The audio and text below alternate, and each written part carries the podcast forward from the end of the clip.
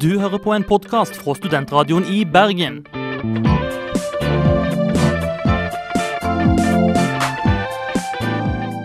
Denne og mange andre flotte podkaster finner du på podkast.srib.no.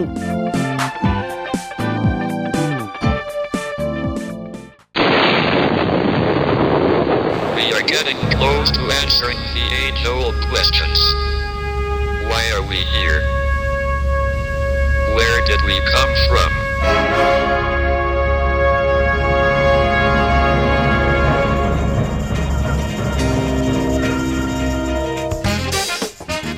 Hei og velkommen til eh, denne ukens eh, Soft Science her på Studentradioen i Bergen.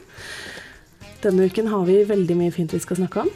Vi har en utrolig bra sending, faktisk. Ja, vi har det. Vi skal bl.a. se på egyptisk kosmetikk. Og fy søren så mye de måtte gå gjennom for å se bra ut, altså.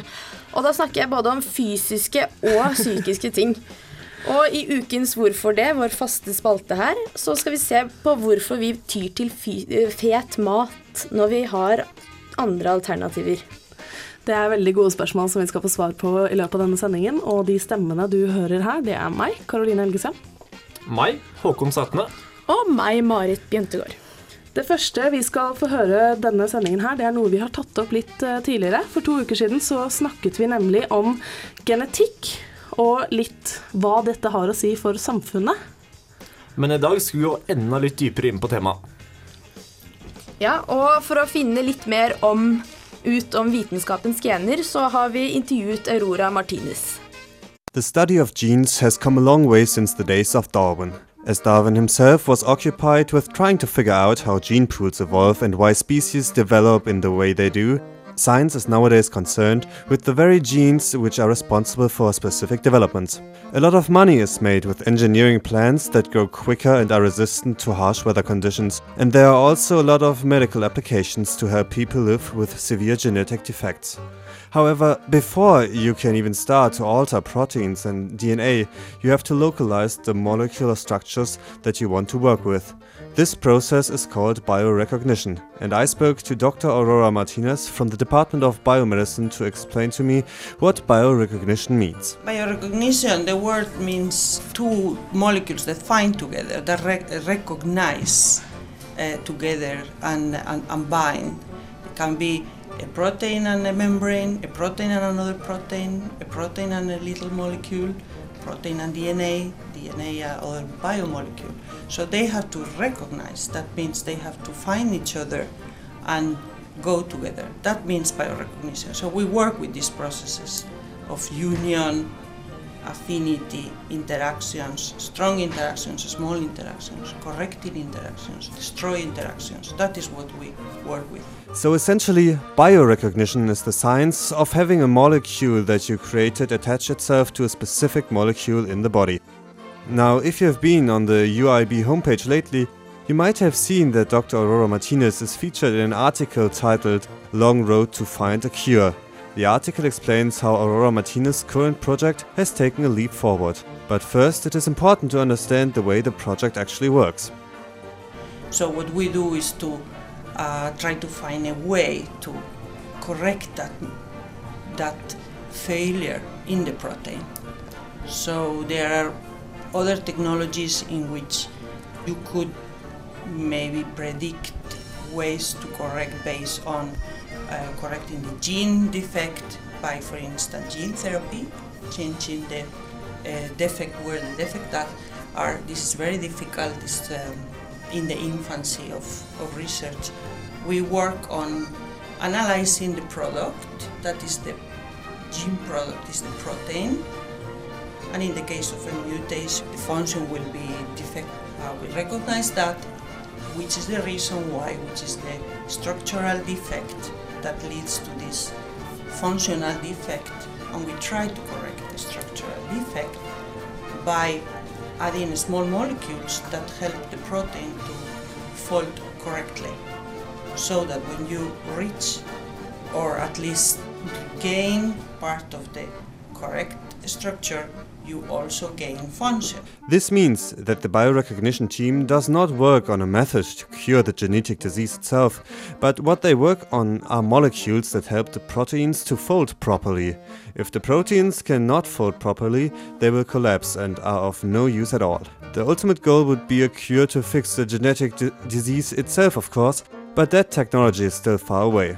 Until genetic defects can be fixed, biorecognition aids proteins in retaining their structure and prevents them from collapsing. One application is the disease phenylketonuria. Phenylketonuria is a metabolic disease, it's a rare disease in which um, the defect uh, uh, prevents the degradation of phenylalanine, that is an amino acid. It converts phenylalanine into tyrosine, and the people that has a defect in the enzyme that catalyzes that reaction accumulate phenylalanine because they cannot degrade it, and that is, is toxic for the for the brain. So the traditional uh, correction is to have a diet free of phenylalanine, and that is not easy to follow. Effectively, biorecognition is not the ultimate solution. It aids the body in processing phenylalanine, but it cannot cure the body of its inability to process phenylalanine. Even if that does not sound spectacular, it's quite a big accomplishment, and accomplishments in biomedical research usually bring the pharmaceutical companies to the scene. In this case, it is Novo AS which is getting involved. They focus on traditional drugs, they focus on, uh, for instance, insulin production, large scale type of, of lousy pharmaceutics. But in addition, they have a foundation that recognizes initial steps in the process of generating new, new concepts and new type of, of medicines that are still at the very initial preclinical stage of investigation. So what we have published and what we work, have worked with is a proof of concept. It's, a, it's, it's, it's an initial concept that works at the lab stage.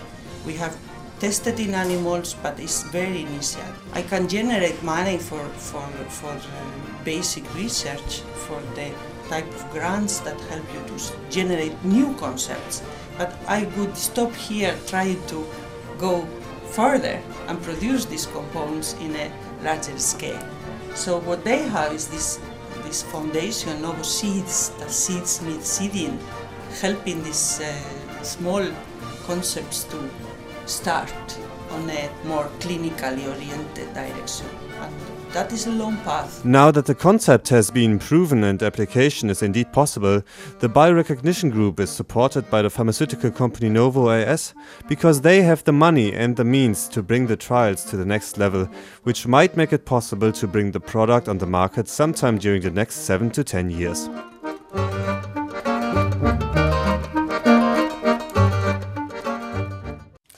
Det var Jan Schneider som snakket om biorecognition.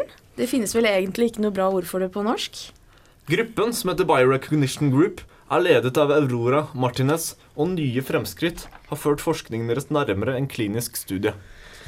Og vi skal jo ha veldig mye mer interessant i denne sendingen. Etter at vi har fått høre John Sott med sangen 'Brothers', skal vi høre mer om egyptisk kosmetikk. Gleder dere.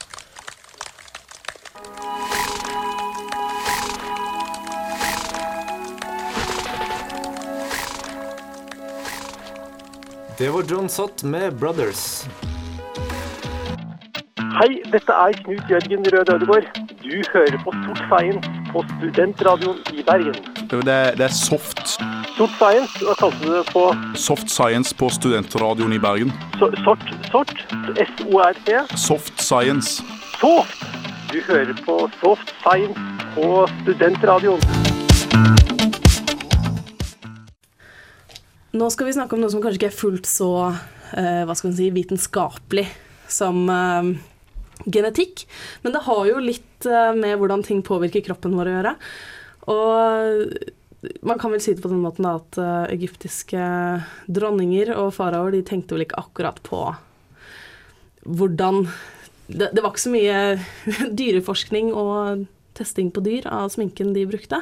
Nei, de gjorde vel egentlig alt de kunne for å se bra ut. Og ja, jeg trodde vi i vårt vestlige samfunn brukte mye tid og krefter på å sminke, men da visste vi ikke hvordan egypterne gjorde det, altså. Nei, det, er, vi det, det var liksom, vi, vi bader ikke i eselmelk lenger. Vi har liksom slutta litt med den greia der. Heldigvis. Ja, Men nå skal vi få høre litt eh, hva de faktisk dreiv med, og hva slags stoffer det var i de tingene de putta på seg. da. Mm, og ikke prøv dette hjemme.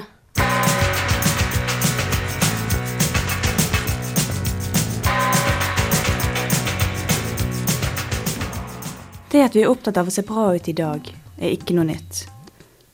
Men som sikkert mange visste, var det også viktig for faraoene i det gamle Egypt å se bra ut til enhver tid, og ikke minst til enhver pris.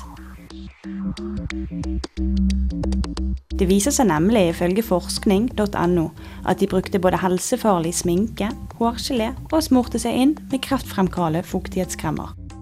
Dette kan vi bl.a. se på mumien som ble funnet av Hatseput, som var den femte faraoen i Egypts 18. dynasti.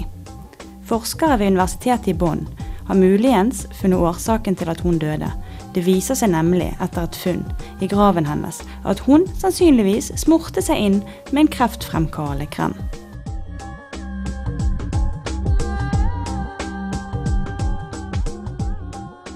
Prøver av innholdet i kremen avslører at innholdet var benzopyren, som også finnes i tjære, asfalt og grillmat. Og et av de stoffene som finnes i røyk og forårsaker lungekreft. Dette stoffet var blandet sammen med store mengder med palmeolje og muskatnøttolje, som er to veldig feite oljer. Og forsker Widenfeldt nevner at dette ville fått enhver kvinne til å se ut som en glinsende juleribbe.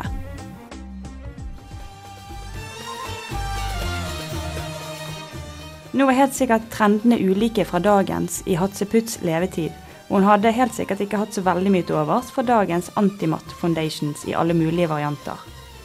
Andre funn av mumier viser også at de var såpass forfengelige at de i tillegg til kreftfremkallende kremmer brukte sminke laget av helseskadelig blyhvitt. Blyhvitt er et stoff som er dannet av et hvitt, giftig krystallinsk stoff som finnes i naturen i form av mineralet cerusitt. Det er veldig giftig, og det er forbudt til innvendig bruk i Norge. Dette stoffet ble hovedsakelig brukt i sminke for å bleike huden, og bleiking med kjemiske stoffer direkte på huden sier vel selv at det ikke er en god ting.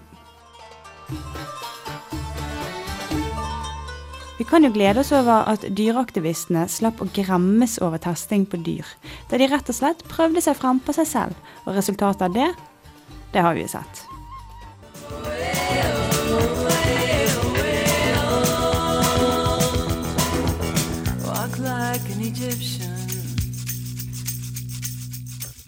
Walk like an Egyptian. Det var da Silje Dyngeland som nettopp ga oss en god grunn for hvorfor vi burde være veldig takknemlige for at det har blitt gjort fremskritt på kosmetikk... eh, At vi slipper å bruke sminke som man også bruker i grillkull og sånne ting. Ja, det er en fordel, altså. Det er Det veldig er veldig sant. Men nå syns jeg vi skal bevege oss over til den neste sangen i programmet. Crystal Fighters med Swallow. Den er dritkul i sånn elektronika. Så følg med. Du hører på Soft Science på Studentradioen i Bergen, og vi har lidenskap for vitenskap, og nå skal vi over til enda noe vi har litt lidenskap rundt, nemlig det å finne ut av spørsmål. Og det er nemlig en fast spalte vi har her som heter Hvorfor det? Ja, og denne uken, Håkon, så har du sett på hvorfor vi stapper i oss fet mat dag ut og dag inn. La oss ta en sjekk. Hvorfor det? Hvorfor det? Hvorfor det? Hvorfor det? Hvorfor det? Hvorfor det? Kødder du, eller? Hvorfor det? Hvorfor det? Hvorfor det? Hvorfor det? Soft Science presenterer Kvifor det? Kvifor det? Kvifor det? I dag Hvorfor liker vi usunn mat? I en verden der overvekt blir et stadig større problem, kan man lure på hvorfor folk allikevel velger å spise mat full av salt, fett og sukker. Det er gjort mange forsøk på feltet, og konklusjonen er entydig. Det er ikke smaken vi er ute etter, men det er stoff i maten som gjør oss avhengige. Det viser seg at hjernen til en som spiser usunt, reagerer ganske likt på usunn mat som hjernen til narkoman som får i seg dop. Forskning viser også at gravide som spiser usunt, får barn som er mer tilbøyelig til å foretrekke usunn mat selv.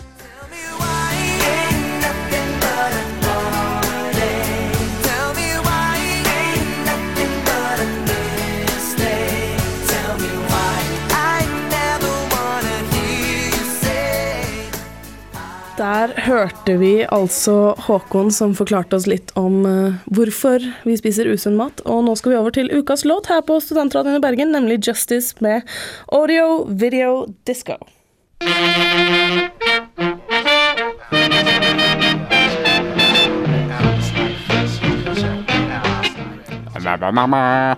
La-la-la-la-la.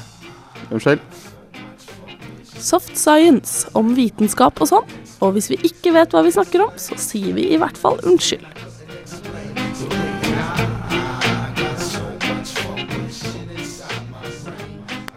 You are listening to Student Radio Bergen, you lucky, lucky little pups. Det var alt vi hadde i Soft Science i dag, men vi er tilbake neste uke. Og i mellomtiden kan du laste ned podkaster på srib.no eller på iTunes.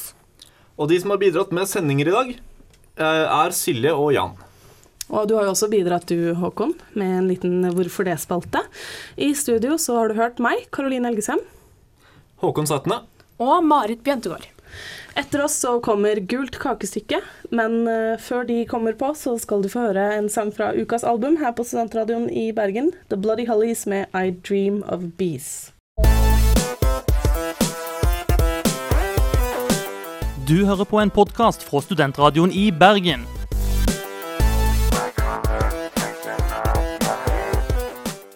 Denne og mange andre flotte podkaster finner du på podkast.srib.no.